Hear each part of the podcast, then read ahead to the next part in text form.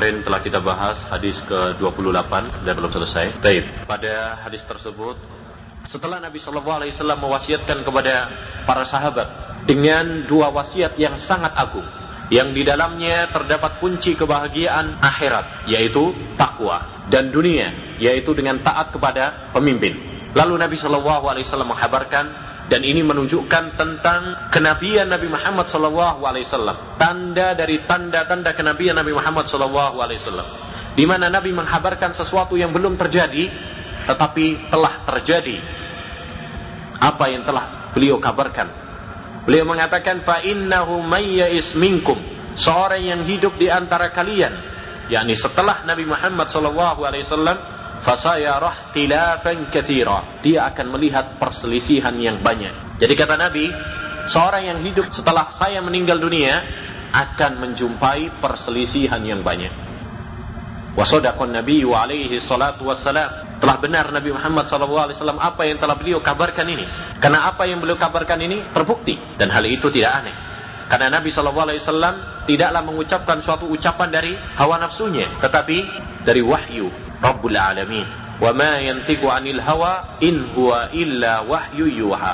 Oleh karenanya, sejarah telah menjadi saksi setelah ditinggal oleh Nabi SAW begitu banyak perselisihan. Baik perselisihan dalam akidah, perselisihan dalam fikih, perselisihan dalam manhaj, perselisihan dalam ibadah, dan lain-lainnya banyak sekali. Ya, fasayarah tilafan kathira. Benar. Setelah ditinggal Nabi SAW banyak kemurtatan. Pada zamannya Abu Bakar As-Siddiq. Kemudian lebih parah lagi pada zaman Utsman bin Affan di mana muncul beberapa khawarij ya yang berusaha untuk membunuh beliau. Dan akhirnya mereka pun bunuh sahabat Utsman radhiyallahu an. Lebih parah lagi pada zaman Ali bin Abi Thalib ya permunculan para khawarij yang memberontak kepada Ali bin Abi Thalib dan seterusnya dan seterusnya.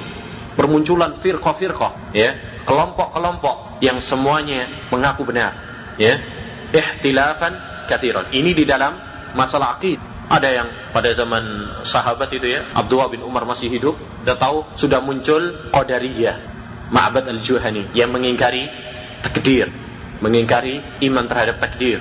Muncul Khawarij. Ya, kemudian pada zaman tabi'in lebih banyak lagi, Jahmiyah, Mu'tazilah, Sufiyah. Kalau pada zaman kita sekarang ini nggak bisa dihitung. Dan ini telah terbukti dan disabdakan oleh Nabi Shallallahu Alaihi Wasallam dalam hadis-hadis yang lain yang menghabarkan tentang perpecahan umat. Nabi bersabda dalam hadis yang sahih tentang perpecahan umat, ya sataftariku ummati ala salasin wa sab'ina firqah. Umatku ini akan berpecah menjadi 73 golongan. Ini bukan satu pembatasan, tapi yang paling pokok 73 golongan. Kullu finnar, semuanya di neraka illa wahidah kecuali hanya satu golongan Qalu ma man hiya ya Rasulullah? Siapa dia ya Rasulullah? Satu golongan yang selamat tersebut, ma ana alaihi al-yauma wa ashab. Kata Nabi sallallahu alaihi wasallam, yaitu golongan yang berpegang teguh dengan sunnahku dan sunnah para sahabatku. Jadi apa yang beliau sabdakan adalah benar adanya, terbukti nyata. Dan ini termasuk tanda kenabian Nabi sallallahu alaihi wasallam. Setelah itu Nabi sallallahu alaihi wasallam menyebutkan obatnya. yakni setelah Nabi Sallallahu Alaihi Wasallam menghabarkan tentang penyakit suatu musibah. Apa musibah tersebut? Perpecahan umat. Perpecahan umat ini adalah musibah dan penyakit. Karena Allah Subhanahu wa taala telah melarang perpecahan dan perselisihan. Wala takunu minal musyrikin minal ladzina farraqu dinahum wa kanu syi'a. Dan Allah Subhanahu wa taala berfirman, "Wa'tasimu bihablillahi jami'an wa la tafarraqu." Berpegang teguhlah kalian dengan kitab Allah, dengan tali Allah Subhanahu wa taala dan kalian jangan berpecah belah. Tatkala umat ini telah berpecah belah, maka ini adalah suatu musibah. Bagaimana solusinya? Nabi menghabarkan, "Fa'alaikum bisunnati wa sunnatil khulafa'ir rasyidin al-mahdiyyin." Kalau kalian mendapatkan perselisihan dan perpecahan, ya, obatnya apa? Alaikum bisunnati. Wajib bagi kalian berpegang teguh dengan sunnahku wa sunnatil khulafa'ir rasyidin al mahdiyyin dan sunnahnya para khalifah ar-rasyidin al-mahdiyyin. Ar-rasyidin yaitu yang cerdas. Al-mahdiyyin yang mendapatkan petunjuk. Ya. Jadi ini obatnya. Ini sikap yang benar yang hendaknya dilakukan oleh seorang muslim tatkala menghadapi fitnah, perpecahan dan perselisihan, yaitu berpegang teguh dengan sunnah Nabi dan sunnah para sahabat Nabi Muhammad sallallahu alaihi wasallam. Baik, fa'alaikum bisunnati, sunnati, sunnahnya Nabi Muhammad sallallahu alaihi wasallam. Apa sunnahnya di sini? Apa yang dimaksud dengan sunnah Nabi Muhammad sallallahu alaihi wasallam di sini? Apakah yang dimaksud dengan sunnah di sini adalah sunnah dalam istilah fikih? Ya, kalau dilakukan dapat pahala, kalau ditinggalkan tidak berdosa. Apa itu yang dimaksud? Tidak. Itu adalah istilah baru, istilah ahli fikih belakangan. Ya, kita harus ingat kata sunnah ya, dalam definisi para koha ahli fikih ya, yaitu kalau dilakukan mendapatkan pahala, kalau ditinggalkan tidak mendapatkan dosa. Ini adalah istilah yang baru, istilah yang baru. Adapun definisi sunnah ya, dalam hadis-hadis Nabi Wasallam dan makna para ulama terdahulu ya, maksud mereka adalah yakni sunnah adalah apa yang dikatakan oleh Nabi Shallallahu Alaihi Wasallam dan dilakukan oleh Nabi Muhammad Shallallahu Alaihi Wasallam, ya, baik berupa ibadah, akhlak maupun akidah dan seterusnya itulah sunnah. Jadi sunnah Nabi Muhammad Wasallam maksudnya adalah apa yang dilakukan oleh Nabi Wasallam, kehidupan Nabi Wasallam dalam menjalankan agama Allah Subhanahu Wa Taala. Wa sunnatil khulafa'ir rasyidin al mahdiyyin dan sunnah para khalifah ar rasyidin al mahdiyyin yaitu pemahaman para sahabat Nabi Shallallahu Alaihi Wasallam. Jadi Nabi Shallallahu Alaihi Wasallam menggandengkan antara sunnahnya dengan sunnah para khalifah ar-rasyidin, dengan sunnah para sahabat Nabi alaihi salatu wassalam. Dan ini sesuai dengan hadis tadi, perpecahan umat. Yaitu apa? Ma ana alaihi al-yauma wa ashabi. Ya, yaitu golongan yang berpegang teguh dengan sunnahku dan sunnah para sahabatku. Jadi makna al-khulafa ar-rasyidin adalah para sahabat Nabi Muhammad sallallahu alaihi wasallam. Addu 'alaiha bin nawajid. Gigitlah sunnah tersebut bin nawajid dengan apa? Gigi geraham. An nawajid gigi geraham. Ini adalah kata kinayah. Hendaknya kita berpegang teguh dengan sunnah Nabi Shallallahu Alaihi Wasallam ini dengan kuat. Karena kalau kita menggigit sesuatu dengan gigi geraham, ini kuat, ya kan? Menggigit sesuatu kalau dengan gigi geraham, yaitu gigi yang paling sini ini, kuat. Tapi kalau bagian depan sini, gigit sesuatu dengan gigi depan ini, aduh, cepat copot, nggak kuat. Jadi adzu 'alaiha bin nawajid ini adalah isyarat dari Nabi sallallahu alaihi wasallam bahwa hendaknya kita di dalam berpegang teguh kepada sunnah Nabi ini berpegang teguhnya dengan kuat, jangan lemah sehingga mudah tergoyahkan. Nah, baik, di sini ada satu hal yang perlu diperhatikan. Nabi sallallahu alaihi wasallam mengatakan setelah menyebutkan hendaknya kalian berpegang teguh dengan sunnahku. Kemudian dan sunnah para sahabat berarti ada berapa sunnah? Dua dua sunnah. Sunnahku yakni sunnah Nabi kemudian sunnah para khalifah ar-rasyidin. Taib. setelah itu mengatakan adzu alaiha. Gigitlah ha. Kalau saya tanya alaiha. Ha itu domir mufrad atau musanna Hah? mufrad itu satu. Kalau musanna berapa? Dua. Mufrad atau musanna mufrad. Kalau musanna bagaimana? Alaihima Taib. ada satu permasalahan kan Nabi SAW tadi menyebutkan ada berapa sunnah? Dua sunnah. Sunnahku dan sunnah sahabat. Lalu mengatakan adzu alaiha. Tidak mengatakan adzu alaihima. Padahal kalau secara cara bahasa hendaknya alaihima. Kenapa? Karena kembali kepada sunnahku dan sunnah sahabat. Ya. Tetapi ya ikhwani, ini adalah rahasia kenabian Nabi Shallallahu Alaihi Wasallam. Adzu alaiha dengan domir mufrad, bukan dengan domir musanna. Kenapa? Karena sunnah Nabi Shallallahu Alaihi Wasallam adalah sunnah para sahabat. Dan sunnah para sahabat adalah sunnah Nabi Shallallahu Alaihi Wasallam. Tidak ada bedanya. Karena para sahabat Nabi Shallallahu Alaihi Wasallam tidaklah mereka melakukan kecuali dari petunjuk Nabi Muhammad Shallallahu Alaihi Wasallam. Dan Nabi Shallallahu Alaihi Wasallam telah memuji para sahabat Nabi Shallallahu Alaihi Wasallam dan memerintahkan kepada kita untuk berpegang teguh dengan petunjuk para sahabat.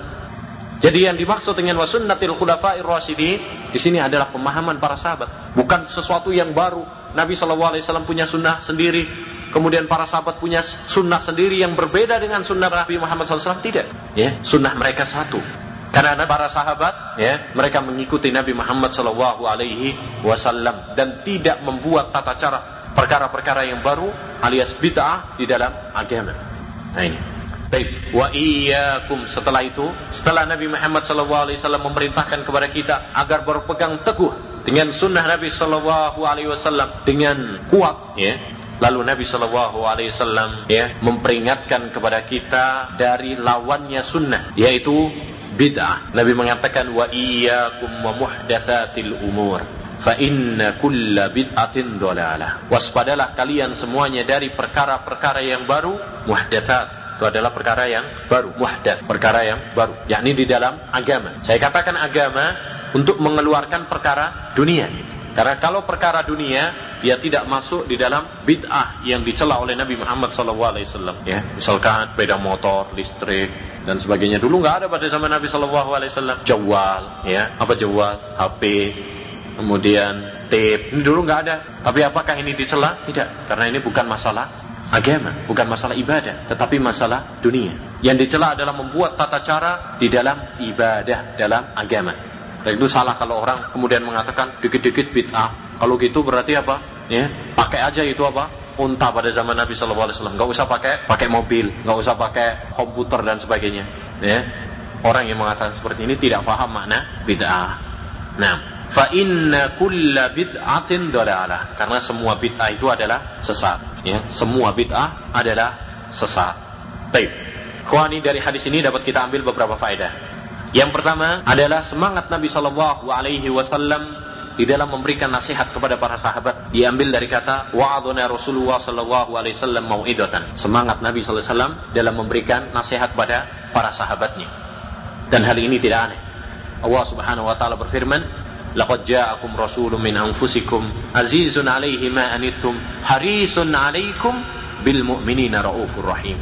Itu sifat Nabi sallallahu alaihi wasallam yaitu harisun 'alaikum. Dia bersemangat untuk memberikan hidayah kepada kalian bil mu'minina raufur rahim dan dia sangat kasih kepada orang-orang yang beriman. Nah, oleh karena itu Nabi Shallallahu Alaihi Wasallam telah menjelaskan semua permasalahan agama ini. Tidak meninggalkan satu permasalahan pun kecuali Nabi jelaskan. Nabi bersabda, "Taraktukum ala bayda nakiyah, lailuha kanahariha, la yazihu anha illa halik." Saya tinggalkan kalian di atas putih yang jernih, ini jelas, ya. Lailuha kanahariha malamnya seperti siangnya. La yazihu anha illa halik. Tidak ada yang menyimpang darinya kecuali orang yang binasa jadi Nabi SAW telah menjelaskan semua permasalahan agama.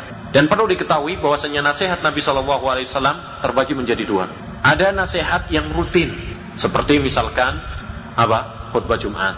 Kemudian Idul Fitri Idul Adha. Ini adalah khutbah-khutbah yang rutin. Dan ada khutbah Nabi Wasallam itu bersifat arid, tarik.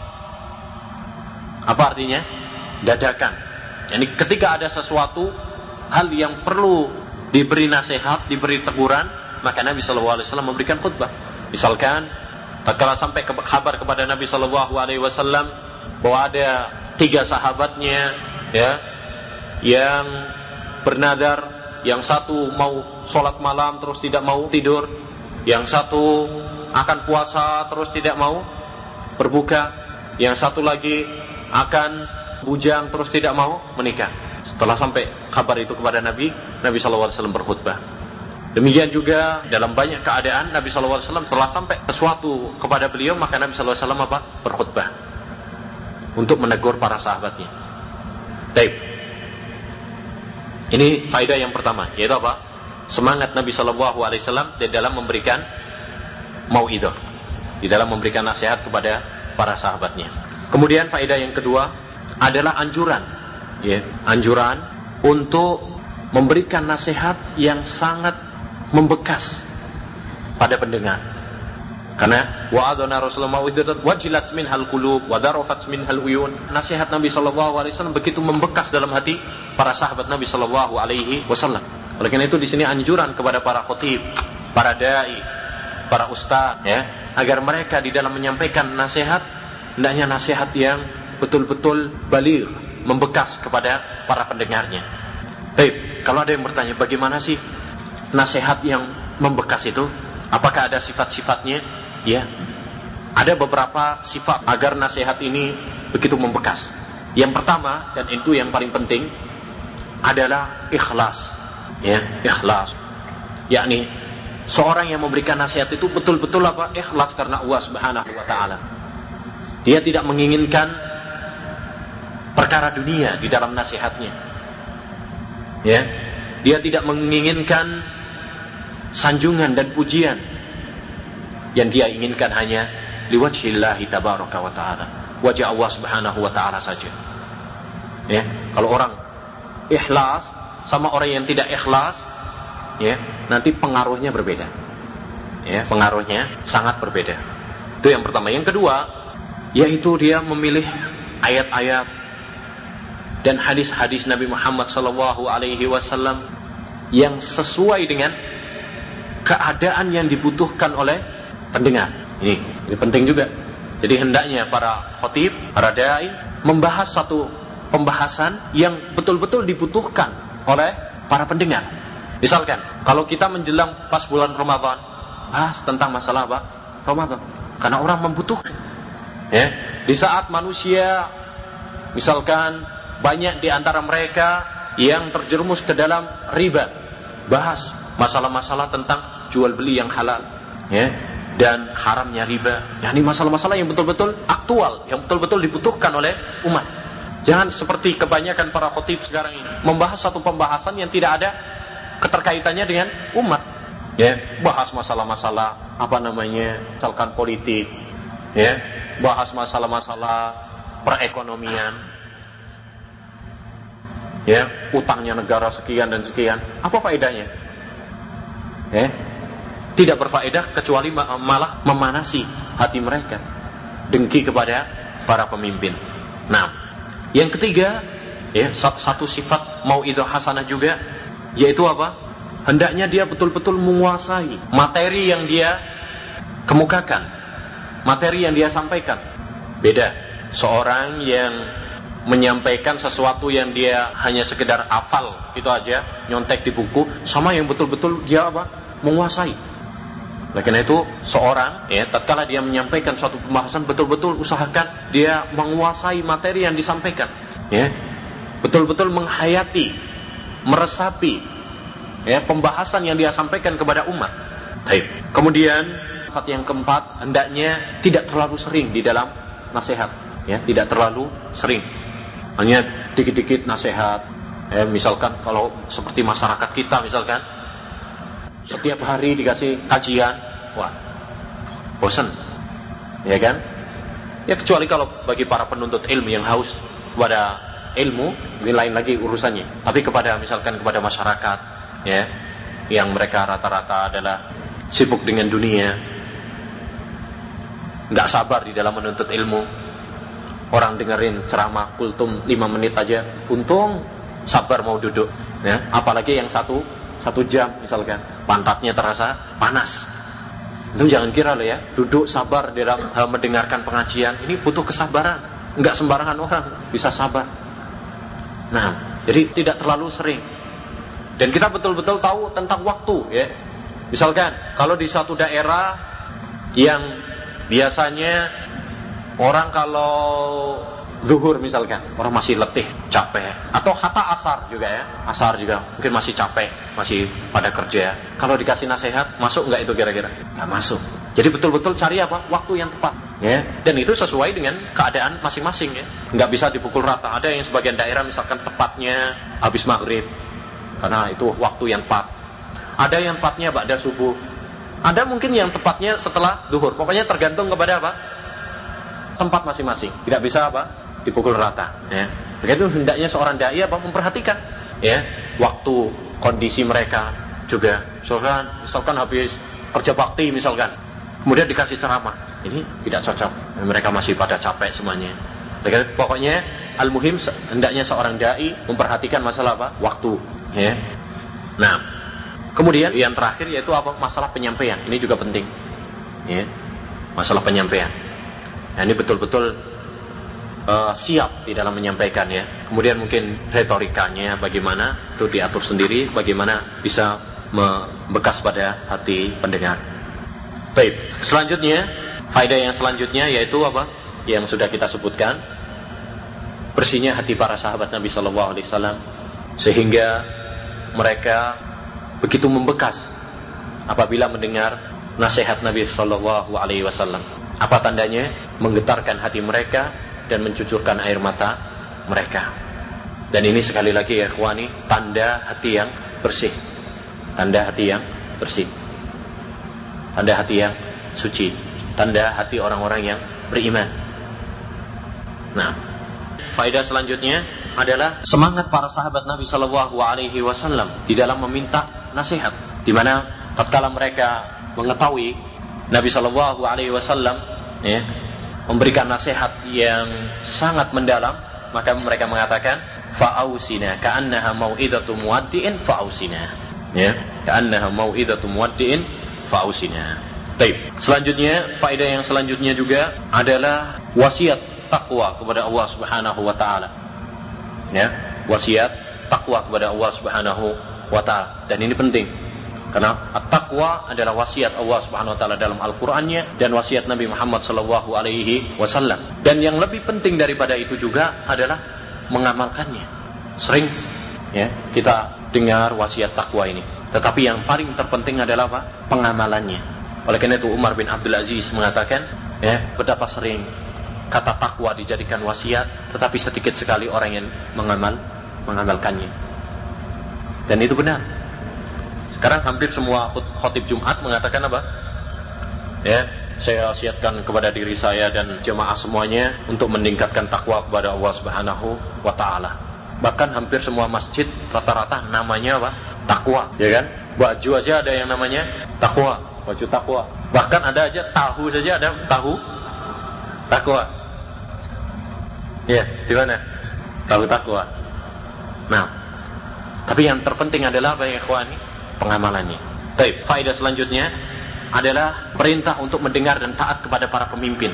Sekalipun ya, mereka tidak terpenuhi persyaratan sebagai pemimpin.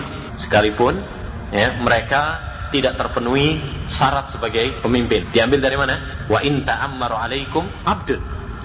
Ya, seorang hamba tidak terpenuhi syarat sebagai pemimpin. Fa innahu may ya'is minkum fasayarah tilafan katsira.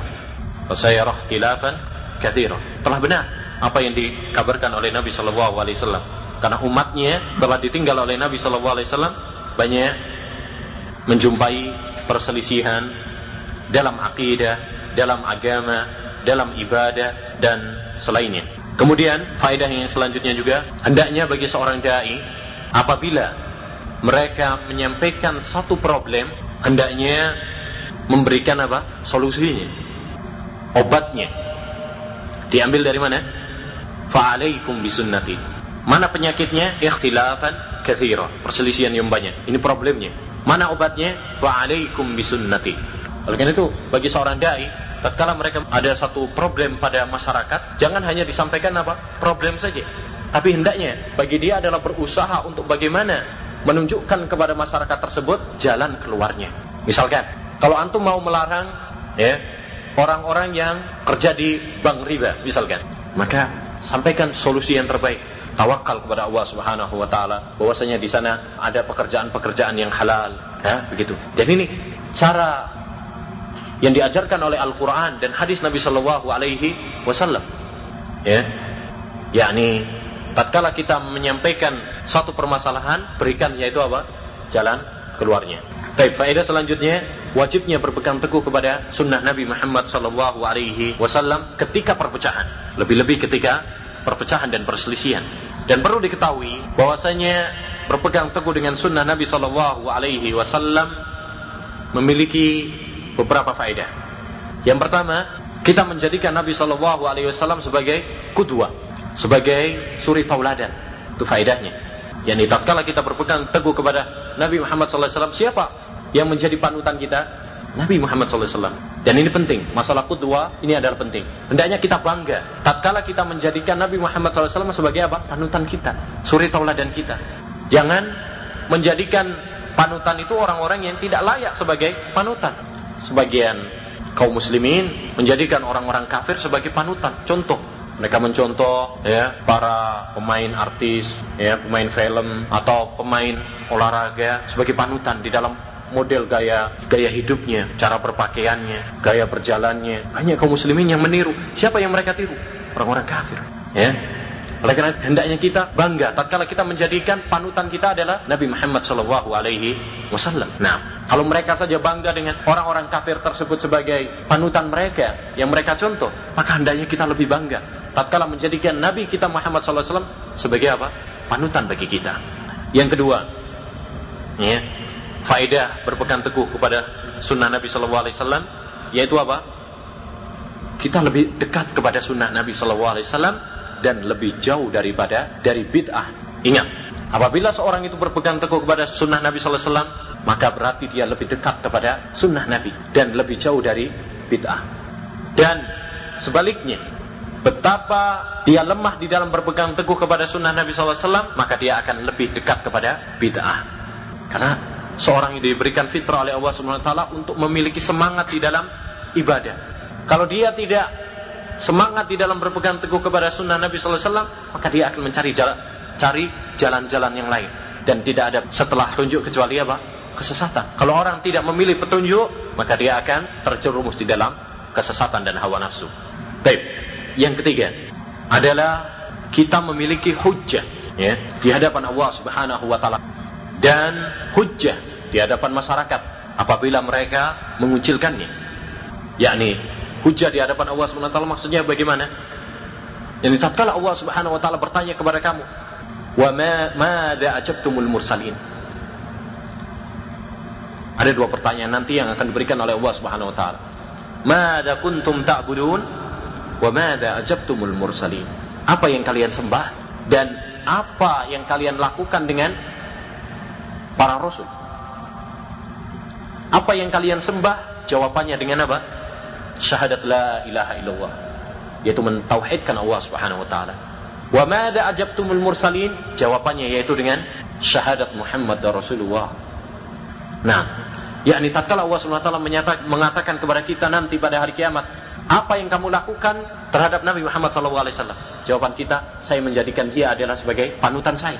Kenapa kamu melakukan seperti ini? Karena saya mencontoh Nabi Muhammad Shallallahu Alaihi Wasallam. Ya, demikian juga hujah di hadapan manusia. Tatkala orang mengingkari kamu, misalkan, ya, kok, misalkan ada yang bertanya, Mas sampean dari apa namanya aliran mana? Kok memelihara jenggot sih? Ya, bukannya itu niru teroris, misalkan. Kalau kamu memiliki hujah, ya, memiliki sunnah Nabi Muhammad SAW, kamu bisa menjawab. Saya ini nggak nyontoh siapa-siapa, tapi mencontoh Nabi Muhammad SAW. Nabi memerintahkan begini, saya tak. Sekalipun manusia apa? Mengingat, mencontoh, oh, kamu punya hujah, punya alasan. Dan ini yang menjadikan seorang itu mantap di dalam agama. Ya, seorang itu mantap di dalam agamanya, tidak tergoyahkan oleh ocehan orang. Kalau dia memiliki apa? Keyakinan yang kuat di dalam berpegang teguh kepada sunnah Nabi SAW. Dia memiliki ilmu Adapun kalau nggak punya ilmu, ya, udah baru diomongin orang sudah langsung apa? Luntur. Ya, baru dibilangin mungkin be besok sudah langsung apa? Masuk kamar cukur jenggotnya. Itu orang yang tidak apa? Yang tidak kuat. Tapi kalau dia memiliki hujah, ya, memiliki kekuatan ilmu, maka ocehan orang tidak dianggap. Kata Nabi sallallahu alaihi wasallam, la yadurruhum man hadalahum wala man khalafahum tayati amrullah. Tidak memadaratkan mereka orang yang mencemooh mereka, orang yang mencela mereka. Nah, baik. Yang keempat, faedah berpegang teguh kepada sunnah Nabi wasallam adalah kita bertambah cinta kepada Nabi wasallam. Cinta kepada Nabi sallallahu alaihi wasallam. Allah berfirman, "Qul in kuntum tuhibbuna Allaha fattabi'uni yuhibbukum Allah wa yaghfir lakum dunubakum." Nah, kalau kalian cinta kepada Allah Subhanahu wa taala, ikutilah saya. Yaitu mengikuti siapa? Nabi Muhammad sallallahu alaihi wasallam. Baik. Faedah selanjutnya adalah berpegang teguh kepada sunnah Nabi SAW ini hendaknya dengan kuat. Diambil dari addu alaiha bin nawajid. Addu alaiha bin nawajid dengan gigi geraham. Yang ini merupakan isyarat agar kita di dalam berpegang teguh dengan sunnah Nabi SAW ini hendaknya kuat. Kalau nggak kuat, apa yang terjadi? Lepas. Apalagi pada zaman kita sekarang ini, ya, kalau kita tidak kuat, Allah ya ikhwani, ya, betapa banyak fitnah-fitnah dan betapa banyak fitnah syubhat dan syahwat. Kalau kita tidak kuat di dalam berpegang teguh dengan sunnah Nabi Sallallahu Alaihi Wasallam, akan mudah seorang itu apa? Berubah. Sungguh benar. Hadis Nabi Sallallahu Alaihi Wasallam tatkala mengatakan, ya, saya nasun min ummati al mutamassiku yauma idzin kal qabidi alal jamar. Kata Nabi Wasallam akan ada pada suatu hari, pada suatu hari di akhir zaman. Kata Nabi Wasallam, orang yang berpegang teguh dengan sunnahku seperti memegang bara api. Apa maksudnya hadis ini? Maksudnya adalah seorang yang berpegang teguh dengan sunnah Nabi Wasallam dia seperti memegang bara api, yakni berat baginya. Eh, banyak rintangannya, banyak orang yang mencela dia, banyak orang yang mencemooh dia, mengejek dia, ya kan? Berat. Gimana sih memegang bara api? Kan panas. Nah begitu. Ini perlu kekuatan, perlu kesabaran. Oleh karena itu ya akhwani, saya wasiatkan kepada diri saya dan antum semuanya, ya. Hendaknya kita di dalam berpegang kepada agama ini betul-betul apa? Kuat. Ya, betul-betul kuat. Ya, kita mohon kepada Allah Subhanahu wa taala, banyak berdoa kepada Allah Subhanahu wa taala dan selalu menambah ilmu kita, ya. Dan berdoa kepada Allah Subhanahu wa taala agar menetapkan kita di dalam agama ini. Karena hati ini ya, dalam genggaman Allah Subhanahu wa taala. Inna qulubal ibadi baina usbu'in min aswabi'ir rahman yuqallibuha kaifa yasha. Dan Nabi sallallahu alaihi wasallam sering berdoa, ya muqallibal qulub, tsabbit qulubana ala dinik. Kalau itu Nabi sallallahu alaihi wasallam, maka bagaimana dengan kita? Ya. Dan terlebih lagi pada saat kita ini banyak sekali fitnah-fitnah ya sehingga seorang yang berpegang teguh dengan sunnah Nabi wasallam asing asing di masyarakatnya, asing di kampungnya, asing mungkin di rumahnya sendiri. Dia asing, ya. Nah, kemudian faedah yang selanjutnya juga adalah hendaknya kita berpegang teguh dengan sunnah para sahabat. Sunnah para sahabat, ini pemahaman para sahabat Nabi Sallallahu Alaihi Wasallam. Diambil dari fa'alaikum bisunnati wa sunnatil khulafa'ir rasidin. Baik. Kemudian Faedah yang selanjutnya adalah hendaknya kita mengetahui kejelekan juga agar menghindarinya, agar terhindar darinya. Diambil dari wa iyyakum muhdatsatil umur. Ini adalah jelek. Perkara bid'ah adalah perkara yang jelek. Dalam hadis Hudzaifah bin Yaman, kanu yas'alun al khaira wa kuntu as'alu anis syarri makhafata ayyudrikani. Para sahabat Nabi SAW itu banyak yang bertanya tentang kebaikan tetapi saya bertanya kepada beliau tentang kejelekan agar tidak menimpa pada diriku. Dan seorang penyair mengatakan, "Araftu syarra la li syarri, lakin litawakki wa man la ya'rifu syarra minal khairi yaqa fi." Ya, saya mengetahui kejelekan bukan untuk kulakukan, tetapi agar aku terhindar darinya. Barang siapa yang tidak mengetahui kejelekan, maka dia lambat laun akan terjerumus di dalamnya tidak terasa. Oleh itu Allah Subhanahu wa taala ya, menjelaskan kepada kita tauhid, menjelaskan juga lawannya yaitu apa? Syirik. Ya. Demikian juga Nabi sallallahu alaihi wasallam menjelaskan sunnah, menjelaskan juga lawannya yaitu apa? Bid'ah. Islam menjelaskan ketaatan, menjelaskan juga kemaksiatan. Kenapa? Karena dengan mengetahui kebal hisna bididdihi wa bid ya. Baik. Faedah yang selanjutnya waspada dari perkara-perkara bid'ah, waspada dari perkara-perkara bid'ah. Apa bid'ah itu? Bid'ah adalah perkataan, perbuatan, akidah yang tidak ada pada zaman Nabi Muhammad sallallahu alaihi wasallam. Yani dalam masalah agama. Ya, dalam masalah agama. Dan sudah kita bahas pada hadis keberapa? Ke lima. Bagaimana bid'ah, jeleknya bid'ah dan kerusakan-kerusakan bid'ah. Daripada yang masih ingat, apa kerusakan-kerusakan bid'ah? dampak negatif bid'ah, bahaya-bahaya bid'ah. Yang pertama, sambil muraja. Hmm. Menandingi syariat Allah Subhanahu wa taala. Naam. Am lahum syuraka'u syara'u lahum minad dini ma lam ya'lam bihi Ini Allah Subhanahu wa taala membuat syariat, kemudian orang yang membuat bid'ah ini apa? Membuat syariat juga. Ini membuat tandingan bagi Allah Subhanahu wa taala. Seakan-akan dia tidak merasa cukup dengan syariat yang telah ditentukan oleh Allah Subhanahu wa taala. Yang pertama, yang kedua, apa dulu sih? Hah? Memecah belah umat. Nah, bid'ah ini memecah belah umat. Wala takunu minal musyrikin, minal ladzina farraqu dinahum wa kanu syi'a. Itu adalah ahlul bid'ah. Itu bid'ah itu adalah memecah belah umat. Nah, yang ketiga, menjadikan agama ini apa? Jelek. Nah, eh, bid'ah bid'ah ini menjadikan agama ini malah jelek, bukan tambah bagus. Karena agama ini telah sempurna. Kalau ditambahi malah apa? Bagus atau apa jelek? Tambah jelek. Sesuatu yang sudah sempurna kok ditambahin itu malah jelek. Apa kata peribahasa dalam bahasa Arab? Asyai'u idza zada an haddihi inqalaba ila dibdi. Sesuatu itu kalau lebih dari batasnya malah sebaliknya malahan. Yakni seperti minuman ini kalau sudah pas, kok masih ditambahin, maka apa? Luber kan? Malah jelek. Antum masak atau bikin teh, pasnya gulanya itu tiga misalkan, tiga sendok pasnya. Malah kemanisan, dikasih lima misalkan. Malah nggak enak.